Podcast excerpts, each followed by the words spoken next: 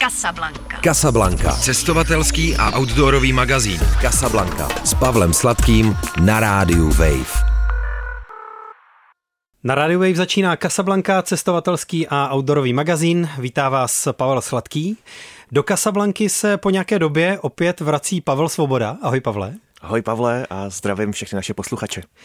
Jako host, který v minulých letech už nám několikrát vyprávěl především o svých velkých transkontinentálních cestách, ať už to bylo v Asii nebo v Jižní Americe. Potom najdete v archivu na wave.cz lomeno Casablanca a v podcastových apkách taky díl, který jsme společně natočili o Arménii. Tentokrát se nebudeme bavit o velkých transkontinentálních cestách nebo ani o jedné transkontinentální cestě, protože se podíváme především do Peru, což je cesta, která nějakým způsobem navazuje na tu velkou jihoamerickou cestu, kterou máš několik let zpátky za sebou? My jsme se letos v létě vrátili do Peru eh, a právě jeden z těch důvodů bylo, že jsme potřebovali vypíchnout a dorazit to, co jsme tenkrát, přestože jsme měli sedm měsíců času na cestě z Ekvádoru do Patagonie, nestihli. Eh, ono už taky jsme tam byli trošinku na konci léta, eh, kdy se začalo kazit počasí, takže v Jižním Peru jsme si nechali opravdu zavěšených několik pytlů, jak se říká, a potřebovali jsme je vyzobnout. Trvalo to nakonec docela dlouho, ale myslím si, že jsme zvolili správnou dobu, že to jako tak sedlo a ten čas správně dozrál. Cestuješ hodně, kolik máš takhle v hlavě jako plánů, které někde zrajou, pytlů, co někde visí, nebo rozdělaných projektů, ehm, jakkoliv tomu říkají třeba horolezci, eh, co se vracejí eh, na ta místa. Kolik toho takhle nosíš v hlavě? No, z, zajímavý nebo možná smutný na tom je, že to neubývá, což je vlastně možná dobře, ale nedaří se to odškrtávat. Jo. Eh, vlastně teď poslední dobou, tak dva roky, se hodně vracím na místa, kde už jsem byl ale přesně z toho důvodu, že jsem měl chuť tam něco vidět, co jsem se dozvěděl v průběhu té předchozí cesty, nebo co jsem se dozvěděl v průběhu let, se snažím se mít jako přehled a sledovat. A v podstatě všechny moje cesty, co dělám, tak jsou už z něčeho takového vycházejí. Že už to mám nějakou dobu v hlavě a jenom čekám na vhodnou sezónu, e, taky kdy si mi to zavolá, jo. Každá cesta je trošinku jiná a já rád třeba i kombinuju, že jednou jsem radši víc jako ve stanu, jo, někdy suší klima, někdy poušť a takový. Vždycky tam jsou ty hory, ale někdy se třeba fotí víc lidí, někde méně lidi a tak ono se ti to jako zavolá a teď jsem cítil, že na to Peru je dobrá, vhodná doba. A co teda byly ty věci v Jižním Peru, co ti zůstaly a chtěl jsi si je doplnit, přidat eh, k té velké cestě transkontinentální? Eh, jak jsem říkal, my jsme na jihu nestihli už treky, přes se začalo kazit počasí. Ta nejlepší e, sezóna je vlastně peruánská zima, to znamená, kdy je slunečný, jasný, stabilní počasí, ale nicméně v noci musíš počítat s tím, že bude opravdu mrznout, až se lámou psi v zatáčkách. Eh, s tím jsme počítali, ale to je někdy, dejme tomu květen, možná určitě červen, červenec, ale už srpen je taky hezky, ale už se začíná trochu kazit a září už je špatný. Eh, takže my jsme tenkrát byli na konci září a už se dělali mraky a už to pro mě nebylo tak vhodný na ten trekking.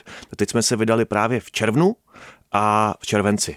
A hlavní věc, kterou jsem chtěl vidět, tak byl trek kolem Ausangate, eh, což je krásná přes 6300 metrů vysoká, navíc pro místní indiány posvátná hora, hodně zaledněná. Eh, to byl jeden z těch treků a ještě zajímavý je, že ještě jsem měl v hlavě eh, trek k runě Chukikerajero.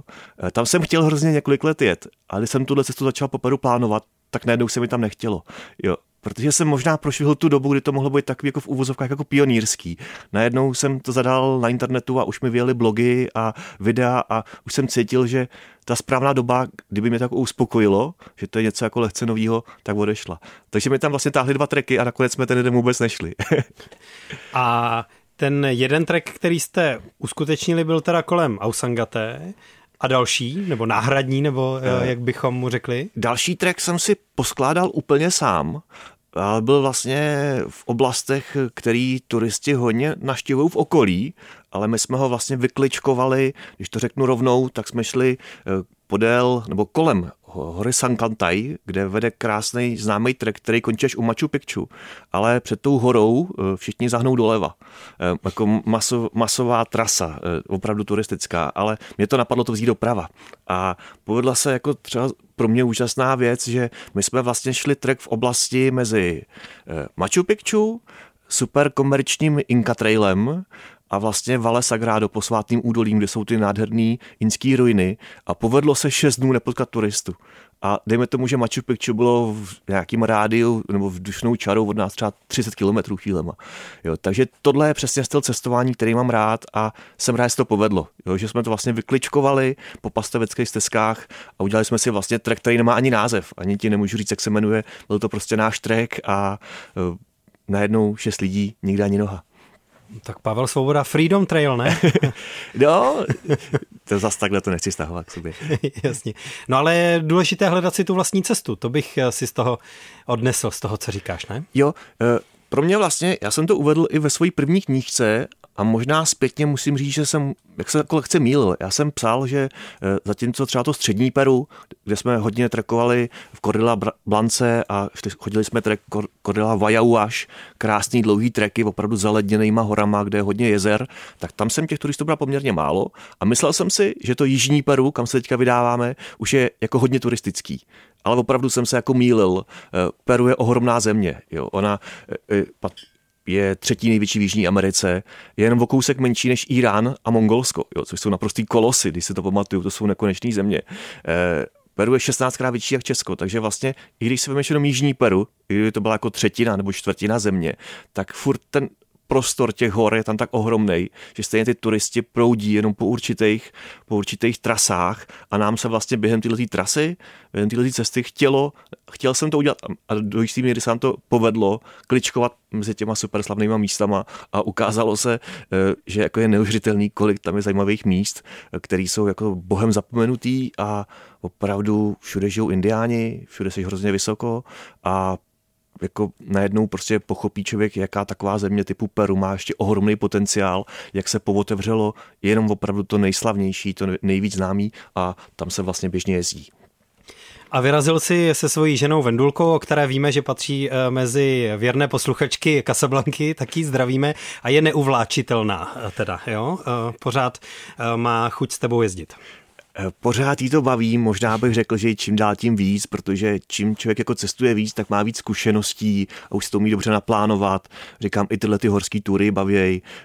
Tentokrát teda jsme museli počítat s tím, že v Peru bude fakt zima. Uh, ono, jak tam je furt jasno, uh, seš tam seš tam v období peruánský nebo jihoamerický zemi, tak v noci, jak zapadne slunko poměrně brzo, třeba v tom červnu, eh, tak máš hnedka takových minus pět, minus osm, v noci je minus deset. S tím se musí počítat, takže samozřejmě dobrý spacák, dobrá karimatka, psychicky se naladit na to, že to bude trošku chladnější letní dovolená tenhle rok, ale baví to furt. Čapne baťoch, ohromnej, táhne tam to jídlo, který mě tam už nevejde, protože tam mám ty foťáky a chodíme, chodíme treky, který mají týden.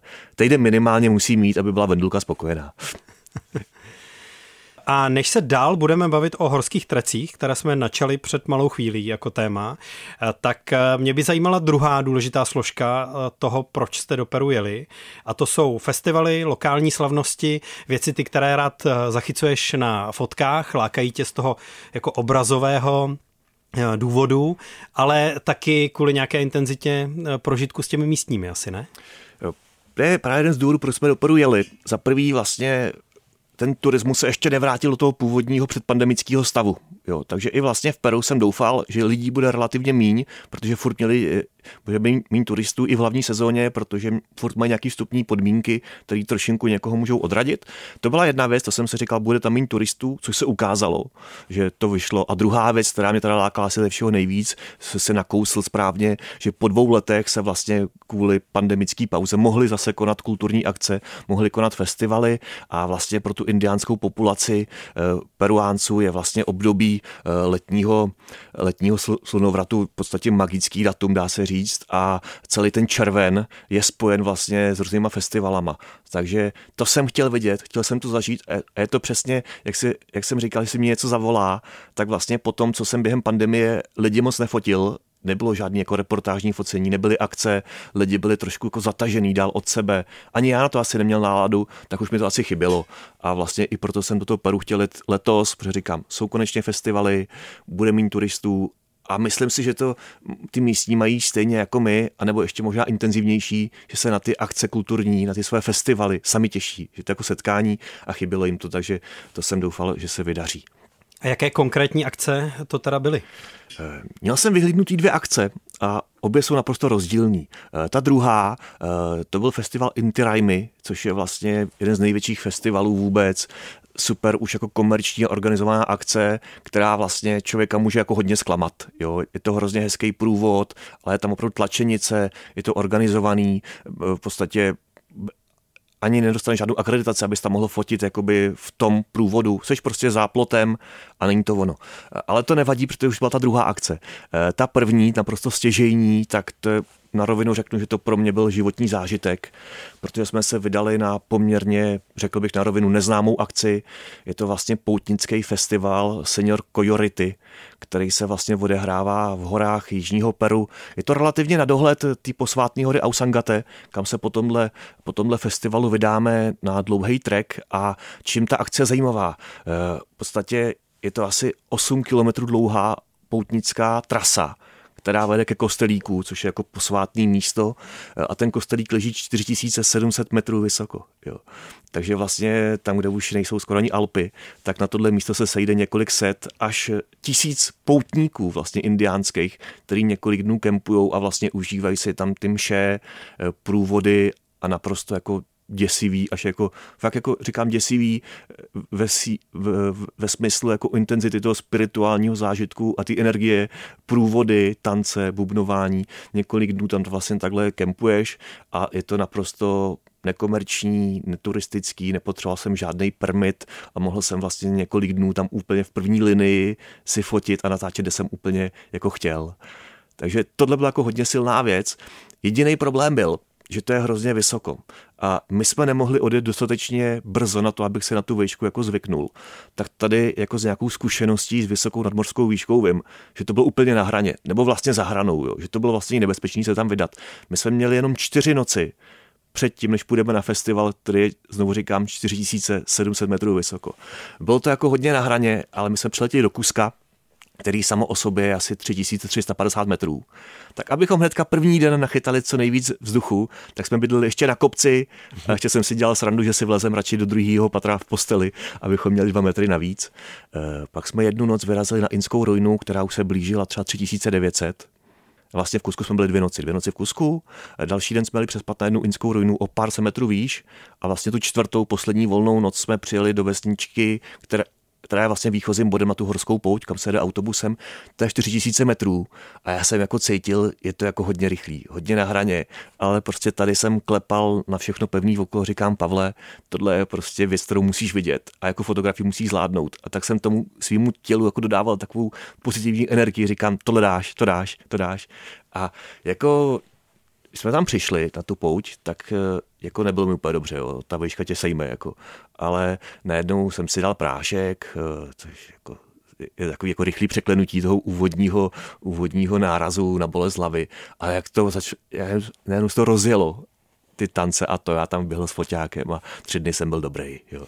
Takže vlastně ten trans, který jsem měl já v tom těle, pomohl přerazit tu jakoby následky té vysoké nadmorské vejšky, což po, nikomu nedoporučuju. Vždycky člověk potřebuje čas a to Jižní Peru je prostě extrémně vysoko. Jo. Málo která oblast na světě je takhle vysoko jako hory Jižního Peru.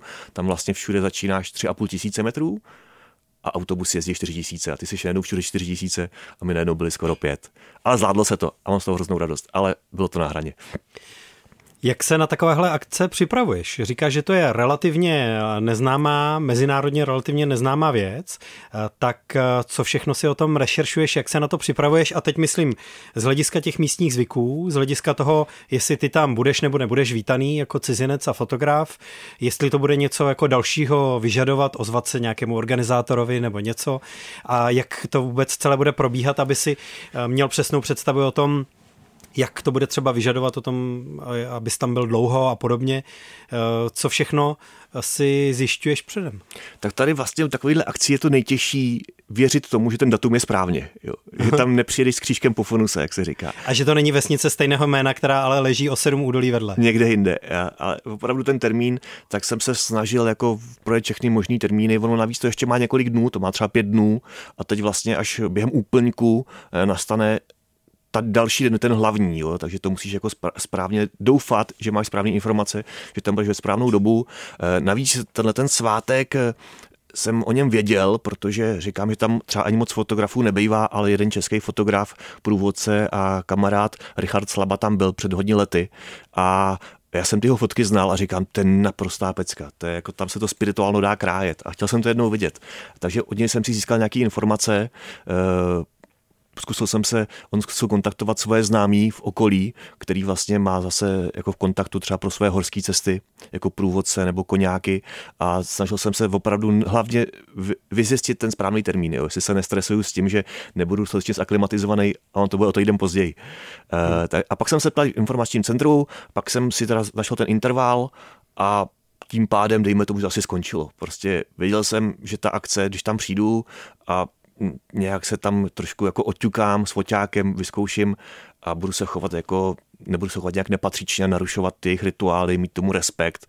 Eh, I když propadnu ty fotografické nervány časem, tak za začátku s to oťukám a vím, že mě nevyhodí, že mě tam nechají. A vlastně jsou i rádi, že tě to zajímá. Jo. Jsou rádi, eh, rád, že vlastně že přijdou cizinci, kteří tam s nima tráví několik dnů v naprosto jako divokých podmínkách, jako nějakým punkovým festivalu, tam spíš ve svahu, na tvrdých šutrech ve stanu mrzneš a jíš tam ve stanu prostě domácí vývary a tak.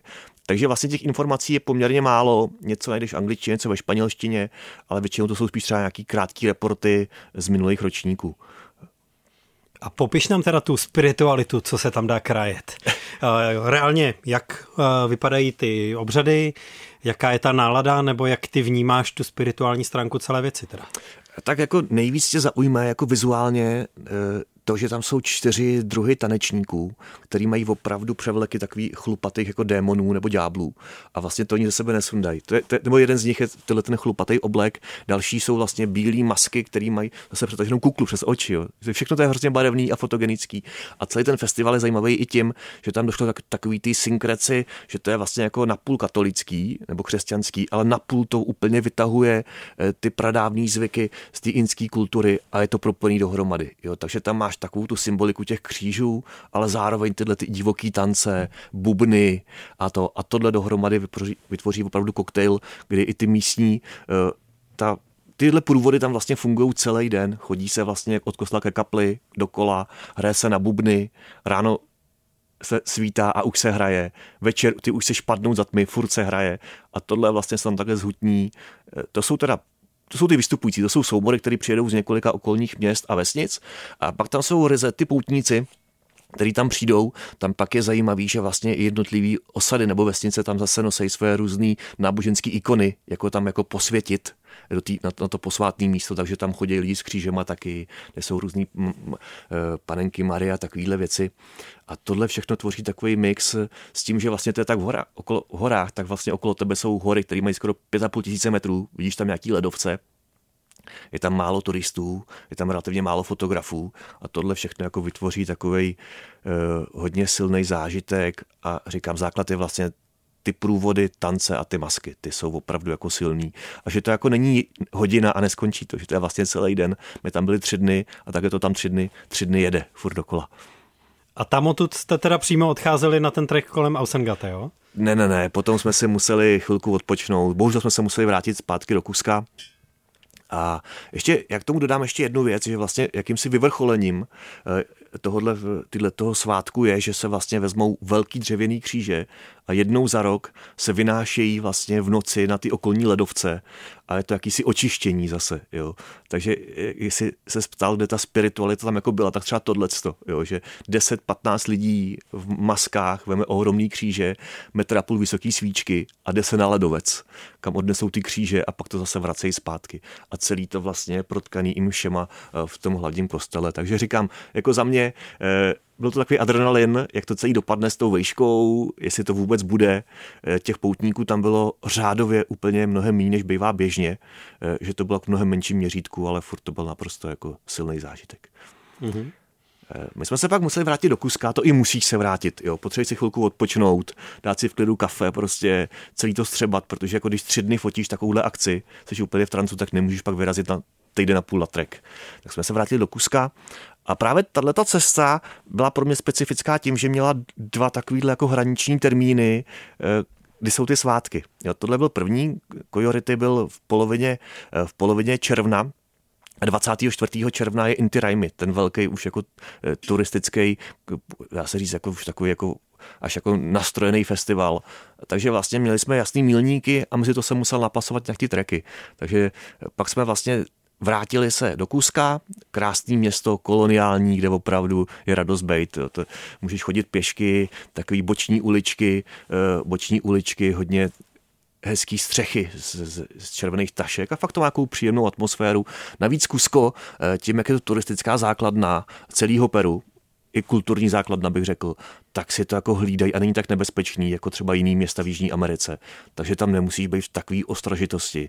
A to zase přidá na té pohodě, jo, že už víš, že to tam není taková divočina, tak si prostě klidu jdeš na ten džus, na to kafe, jo, víš, že, eh, víš, že je to tam poměrně příjemný. Tak jsme si odpočali a vrazili na ten trek tomu Salkantaj, eh, což jsem říkal, že my jsme zase zahli trochu do protiproudu, dá se říct, že jsme zahli na druhou stranu, když se chodí běžný trek a pokračovali jsme v lince, která jako předurčila to, že se vrátím z Peru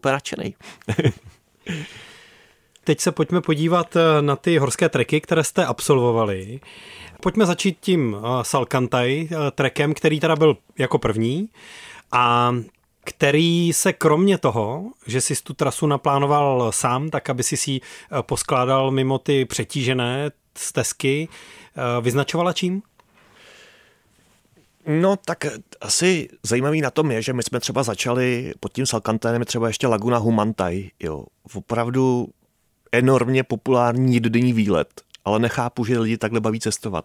Vlastně spousta turistů má dneska základnu v Kusku a jedou na jednodenní výlet ale ten výlet znamená, že k tomu jezeru se jde třeba tři hodiny. Hmm. Hmm. Pak seš u jezera v poledne, eh, tam si vystojíš frontu na selfiečko a tři hodiny jdeš zpátky do Kuska. Jako naprostý mordor. Jo. Kdo takhle jezdil těmhle horskýma silnicema, tak to prostě furt seš někde na cestě. Tak my jsme třeba začali ten trek u téhle laguny, ale někam se ráno neženu, přijedu tam odpoledne, nikdy není zakázáno stanovat, tak tam prostě přespím a najednou vidím to jezero úplně pustý. Jo. A ráno, než se zbalíme v pohodovém tempu, tak už ty první turisti, kteří museli někdy v noci za mrazu zkuska vět, už tam jsou. Jo. Takže i takovéhle věci, jenom že si otočím trošinku režim té náštěvy, tak to samé jezero jsem viděl teda i s tím davem, ne s takovým asi, jako to je v nějakým maximu v poledne, ale viděl jsem ho i sám nebo s partnerkou a to je úplně samozřejmě jiný zážitek. A to už jsem věděl, že uděláme dobře, že ten trek zahneme jakoby pod tou šestitisícovkou, to je jaká krásná špičatá hora na druhou stranu. A hlavně, asi hlavním bonusem teda bylo, že jsme se tam jako hodně doaklimatizovali, před tím trekem k Ausangate, protože ten proces jako trvá delší dobu. A druhá věc, co mě potěšila, že jsem to opravdu plánoval podle perfektního nástroje mapy.cz, nejlepší offline uh, mapy na uh, turistiku obecně na světě, si myslím. A tam ty pěšinky jako byly. Já jsem to moc nevěřil, že tam takováhle síť pěšinek bude, ale my jsme vlastně šest dnů šli po, po pěšinkách, které byly v mapách ale byly to fakt úzký pěšiny, které spojovaly idylický pěšinky, to jsou nejradši. Jo. Ani tam nejezdí třeba moc na koních, nebo není to rozježděný, není to prochozený. Pěšinka akorát na dvě nohy a spojovala vlastně vždycky přes několik, přes několik průsmíků jednotlivý opravdu mikroosady uh, horských pastevců. Jo. Takže to znamená, to jsou třeba jeden, dva baráky, jsou to všechno pastevci lam. A takhle jsme vlastně šest dnů, za šest dnů došli až do posvátního údolí Vale Sagrado, kde jsme se napojili vlastně už na to turistickou trasu, která vede, dejme tomu, od Kuska do Pisaku na Machu Picchu. Jak vypadaly ty noci tam? Eh, teď myslím eh, z hlediska jako eh, toho zážitku, těch teplot, místa na tom trailu a tak? No, musíš počítat se zimou, jo. Když jdeš do Peru, do Peru, do Bolívie v červnu, v červenci, tak ty nosy jsou fakt mrazivý. Problém je, že to slunko zapadne relativně brzo. Pátá, šestá, záleží, jak jsi třeba, eh, jak jsi exponovaný, jak jsi na správné straně. A jak zapadne slunko, tak fakt je zima. A jako zalezi si dostanu a máš jako hrozně moc času ještě. Jo. Takže eh, pak i třeba to focení nočních hvězd, což mám rád, tak je fakt potřeba se jako nabalit úplně extrémně, jako to přehnat, jo. aby člověk hnedka nevymrzl ale zase je to jako, není tam moc taková vlhkost, takže ten mráz jako není tak hrozný. Teploty jsou jako děsivý, ale dá se to zvládnout. Se je skvělý, ráno vyleze slunko, najednou všechno oschne, všechno se probudí a ty pak naopak se musí zase celý den chránit před sluncem, takže ideální mít jako třeba nějakou lehkou košili s dlouhým rukávem, protože v tričku si hnedka spálíš eh, svaly, nebo když nějaký člověk má, ale lokty jsem chtěl říct a tady ty bicepsy a tohle, to, co není na slunko tolik zvyklý, je dobrý mít třeba jsem si koupil až na místě, klobouk s těma bočnicama, takový ten, Aha. jak se s tím jezdí do pouště. Hrozně dobrá věc, se ti nespálí uši, nespálí se ti krk. Protože tam jsi takhle týden, dva, pět týdnů na tom šíleně ostrém horském slunku, tak eh, se před ním musíš jako chvilku bránit, no ale zároveň se užívat, protože za chvilku zase přijde tma a zase mrzneš. Ty rád eh, fotíš eh, svůj vlastní stan pod hvězdami, to noční focení, eh, co jsi zmínil, už jsem od tebe viděl těchto fotek celou řadu. Je to pro tebe spíš jako technická dovednost, zmáknout to, aby jako všechno bylo vidět v noci, co chceš, aby bylo vidět a zároveň byl zachovaný ten dojem, nebo je to trochu památka na ta místa, kde si ten stan postavil, nebo je to prostě jako efektní snímek ve výsledku, nebo je pro tebe v tom ještě něco úplně jiného? Tak je to tak od čeho kousek. Jo. Za prvý, ta dovednost je poměrně jednoduchá. Takovýhle fotky, když se naučíš dělat a máš tomu vybavení, který, s kterým to zvládneš udělat, eh, tak už je to hlavně o té vůli taky. To chtít udělat. Ta vůle je hodně, hodně důležitá, kor na tom treku v takovéhle zimě.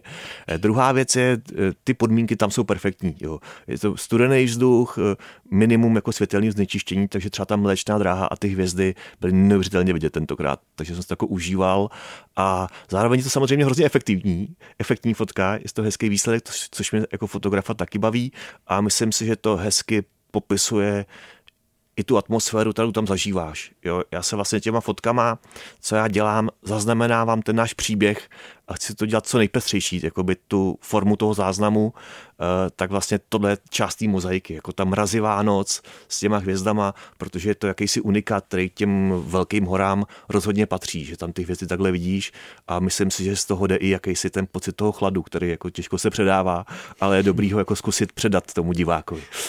Když už ten chlad zažiješ, musíš ho zkusit předat někomu dalšímu. A ať si to užije taky, aspoň trošku. Ausangate je uh, taky ta oblast, nebo ten hřeben horský, kde jsou takové ty barevné pásy, barevné hory, nebo jak se tomu říká?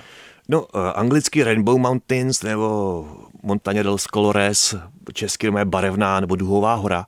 Uh, on vlastně uh, Masiv Ausangate je hora přes 6 tisíc, krásně zaledněná a ze všech stran vlastně ty ledovce stýkají nebo už jako odtávají hodně pod tím zvyklý jezera. Takže okolo Ausangate vede takový základní, dejme tomu 4 až 5 denní okruh, kde jako ta oblast je poměrně neobjevená masovým turismem, ale není to úplná divočina. Na tomhle okruhu potkáš každý den jednu až dvě party, která většinou jde s průvodcem a s koňma, který nesou jako věci a ty lidi jdou na lehko. A pak je vlastně na tobě, eh, a to je věc, která mě hrozně baví, si to něčím jako zpestřit, dát tam nějaký nadstandard a právě třeba jedna z odboček je na tuhle barevnou horu, eh, protože na tu barevnou horu se zase jezdí z druhé strany naprosto šílený výlet z Kuska, že vyjedeš v noci eh, a pak se škrábeš do pětitisícového sedla, před ta barevná hora je pětitisícový sedlo, který jako je lehce pruhovaný, tak jako barevně. Jo. Je z toho naprostý hit, protože já když jsem to viděl, tak jako fotograf vidím, tak tohle jsem asi čekal. Ono to na oči nebude zase tak dobrý, ale když se to vyfotí, tak je to prostě totální pecka. Jo. Jo. A jak všichni vidějí ty krásné fotky, kde jsou vlastně fakt takhle jako uh, je to pruhovaný opravdu jak Manchester a jde to od fialový, vínový do žlutý, oranžový, tak je to jako hodně specifický místo, ale je to zase zároveň hrozně malý. Je to takový sedílko, který je jenom takhle jako průhovaný jako zebra. Tak jak všichni vidějí ty hezké fotky, tak se z toho stal fenomén a vlastně bylo to i na hlavním průvodci do Peru teďka. Eh, turistickým nebyl Machu Picchu, ale už tahle barevná hora. Jo. My tam Instaplace prostě. Naprostý, naprostý vlastně eh, ukázka toho, kam ten turismus masový i, jako i pro mladý lidi, pro baťuškáře jako spěje. A tohle přesně věc, která jako podle mě není správná. Ale tak my tam aspoň přišli z druhé strany. A my tam přišli právě z toho okruhu Ausangate, je to o jednu noc navíc, nebo o dvě noci navíc a přijdeš tam z druhé strany.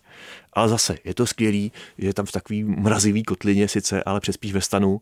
Takže já tam na té barevné hoře byl dvakrát, byl jsem tam večer na západ a ráno na východ slunce. Jo. A to furt tam pár lidí ještě pobíhá, ale rozhodně to není nějaký dav. Hezký místo, je teda zajímavý, že to je opravdu sedlo, který má 5000 metrů, v indiánském městě se to jmenuje Vinikunka a takovýhle barevný hor tam je poměrně hodně i v okolí, ale tahle prostě měla dobrý, dobrý marketing a stala se z ní pecka. A říkám, na fotkách to může vypadat líp jak ve skutečnosti. A vypadá si, myslím. Mm-hmm. A to je třeba eh, místo, na které můžeš normálně vstoupit? Lidi jako chodí po těch barevných eh, pásech, nebo je to jenom jako znějšku na pohled, jak to vlastně funguje? Ne, tady jako eh, pro ty místní indiánský obyvatele je hlavní věc, ne jestli se to zničí nebo nezničí, ale hlavně začít vybírat stupný od gringu, jo? jo. První věc, když někam chodí lidi, tak zavedeme, uděláme budku, anebo tam bude obíhat babka indiánská s nějakýma utržkama, jo, tím tě tam jako vítají. Jo, to je známka toho, že pochopili, že tam jezdí lidi. Jo. On to je pár peněz, je to třeba, nevím, 10, 20 solů, třeba stovka, jo. Ale zároveň ta oblast není nějak jako zakonzervovaná, jo. Přímo v tom samotném sedle je prostě taková škaredá kamenná terasa, kde se kde je nastrojená lama, kde se můžeš vyfotit a prodávají tam čaj z koky. Jo. Takže vlastně... Tak doufám, že se vyfotil. No už tam nebyla, jo, jsem přišel pozdě, ale stejně bych ji nefotil, protože vím, jaký to, jaká je to jako nástraha, že to není realita vůbec, jo, že to je ten fake, který, který fakt tvoří jenom jako, jakýsi eh, ten obraz toho místa.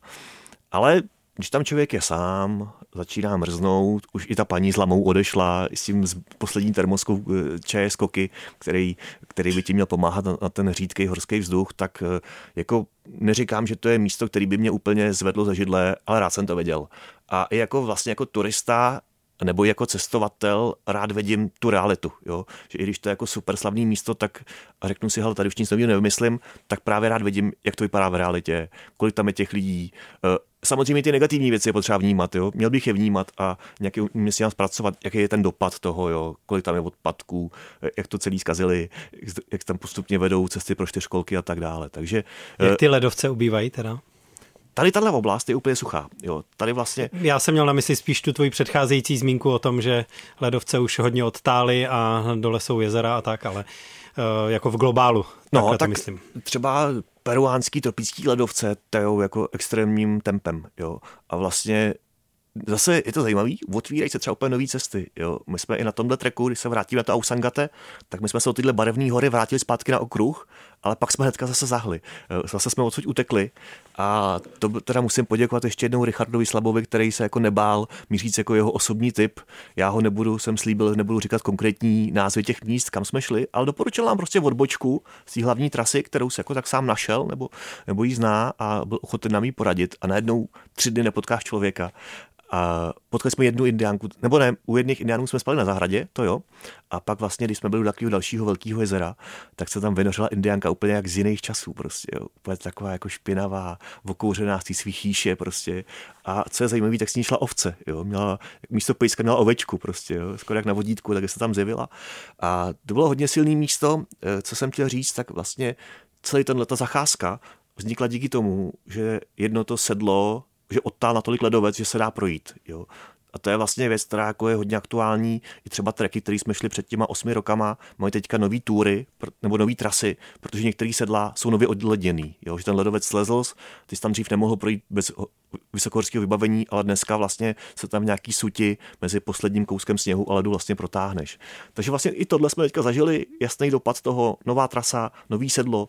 To sedlo mělo 5300 metrů, tím, že se tam vůbec nechodí a nemáš místního průvodce, tak samozřejmě je to taková jako trochu divočina. Žádná pěšina, ty tam hledáš, jestli to je vůbec přesně to správné sedlo, eh, jestli to trefuješ tu správnou průrvu, ten ledovec tam byl, teď vlezeš na kousek ledovce, řekneš si, měl jsem tady být, neměl jsem tady být, bude teď cesta dolů.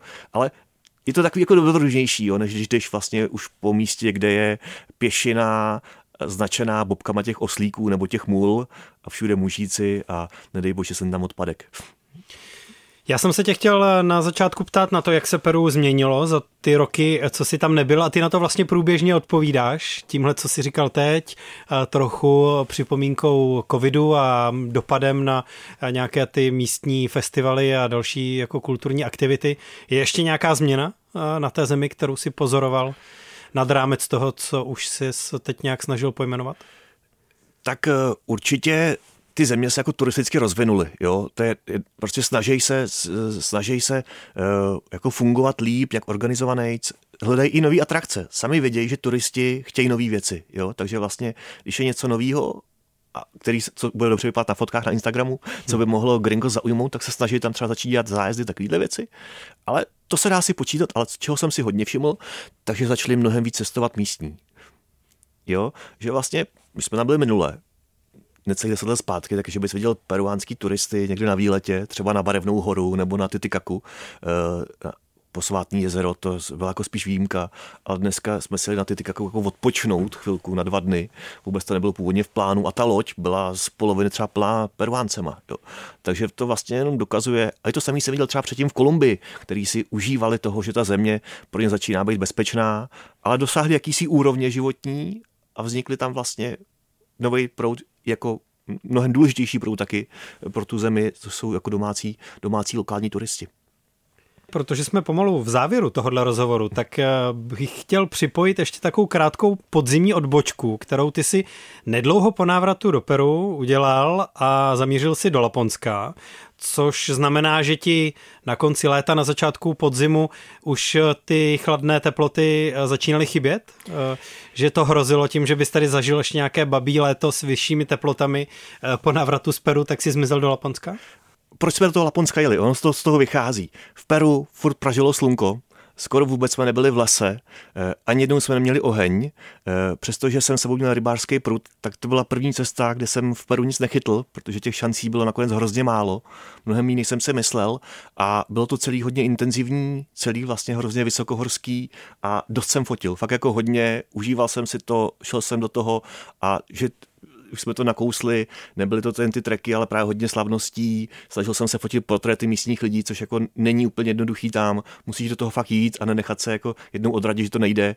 A takže to bylo i fotograficky hodně intenzivní a nějak tak jsem cítil, že to Laponsko, kde jsme byli i celý loňský září, je přesně to, co nám teďka s Vendulkou oběma sedne, protože budeme měsíc v lese, měsíc budeme chytat ryby, měsíc budeme buď ve srubu pohádkovým nebo ve stanu a bude mít furt v ohně a bude vařit v kotlíku prostě. A nebude to vysokohorský. A bude asi 250 metrů nad mořem. a budu tam mít vlastně i relativně málo focení, protože ta krajina toho Laponska je jako, jako hůř jako uchopitelná, jako, jako rozsáhlá, nefotíš tam žádný lidi, takže fotíš ten náš outdoor a ty naše zážitky a čekáš vlastně na to, až prostě fakt přijdu nějaký těžký mraky nebo duha a jako třeba už jsem dopředu věděl, že v Laponsku sice si udělám hezký fotky, budeme to bavit, ale toho focení bude objevovat mnohem míň a je to vlastně Laponsko pro mě je teďka takovým symbolem opravdu hrozně lehce dostupný a příjemně pohodlový na prostý divočiny. Jo. Ty vlastně nepopustíš ani Evropskou unii, když jedeš do Finska nebo Švédska a se ráno zbalím, my tam dolítneme za severní polární kruh a večer už vlastně jsme třeba v prvním srubu nebo v nějaký útulně, zatímco ráno jsem si ještě balil batev, tak večer už žám oheň.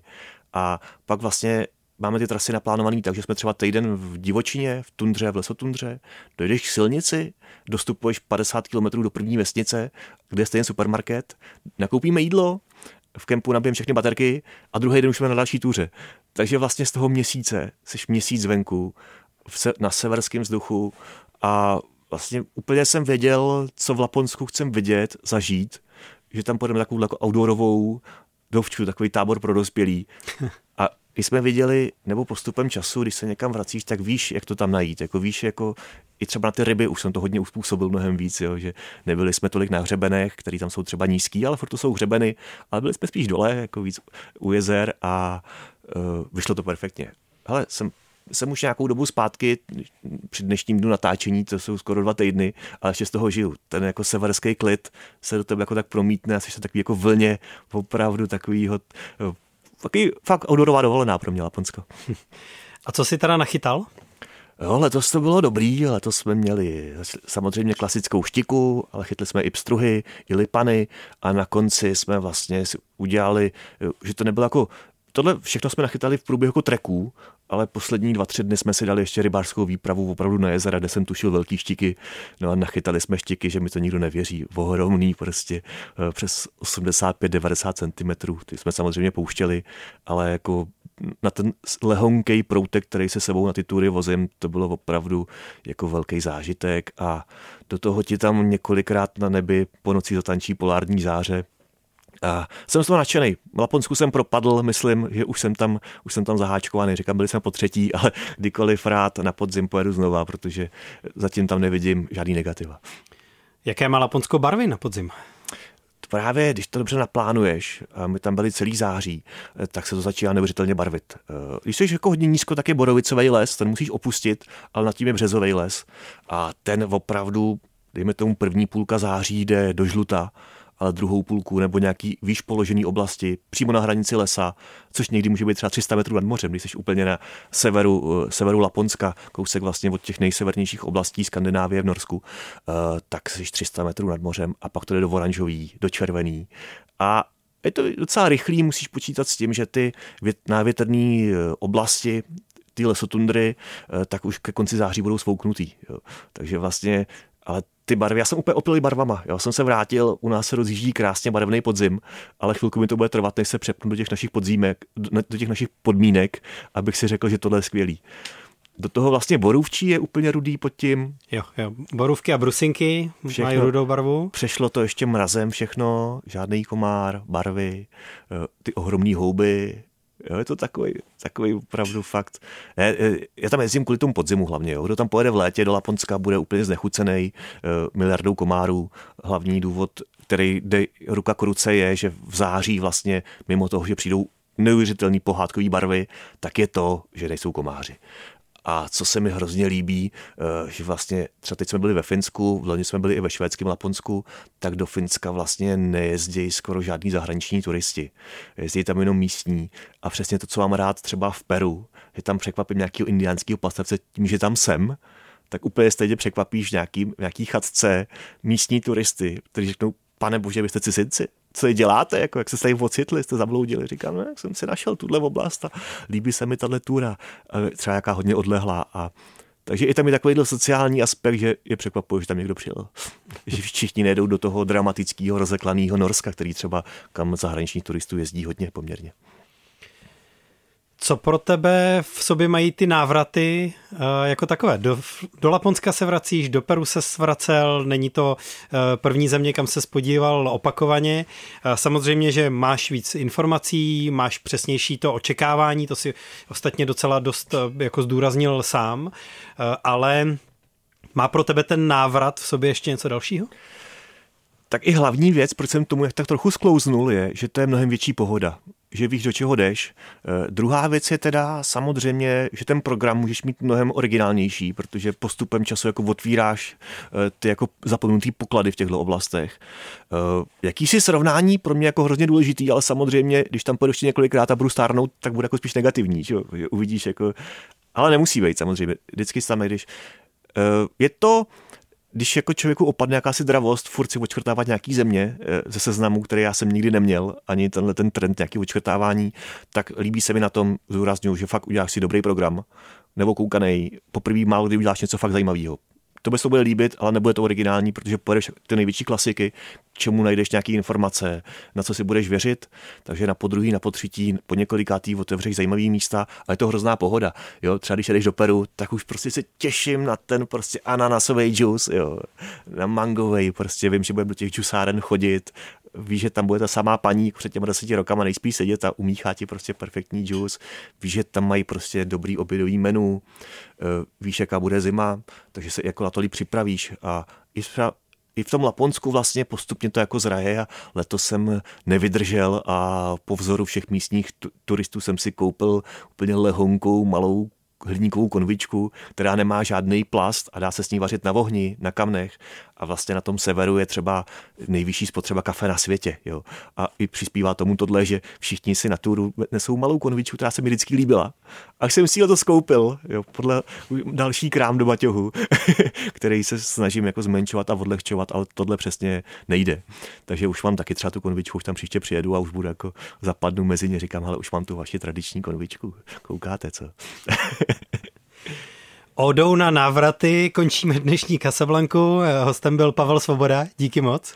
Já moc děkuji za pozvání, ať se vám všem daří a vyraste na výlety, na cesty. Čeká, čeká to na nás všechno. A z Kasablanky se loučí i Pavel Sladký. Já se s váma budu těšit na slyšenou zase za týden u dalšího dílu, u další nové epizody. Mějte se krásně. Ahoj. Casablanca. Casablanca. Cestovatelský a outdoorový magazín. V džungli, v poušti, uprostřed oceánu. Poslouchej Casablanku jako podcast. Kdykoliv a kdekoliv. Více na wave.cz lomeno podcasty.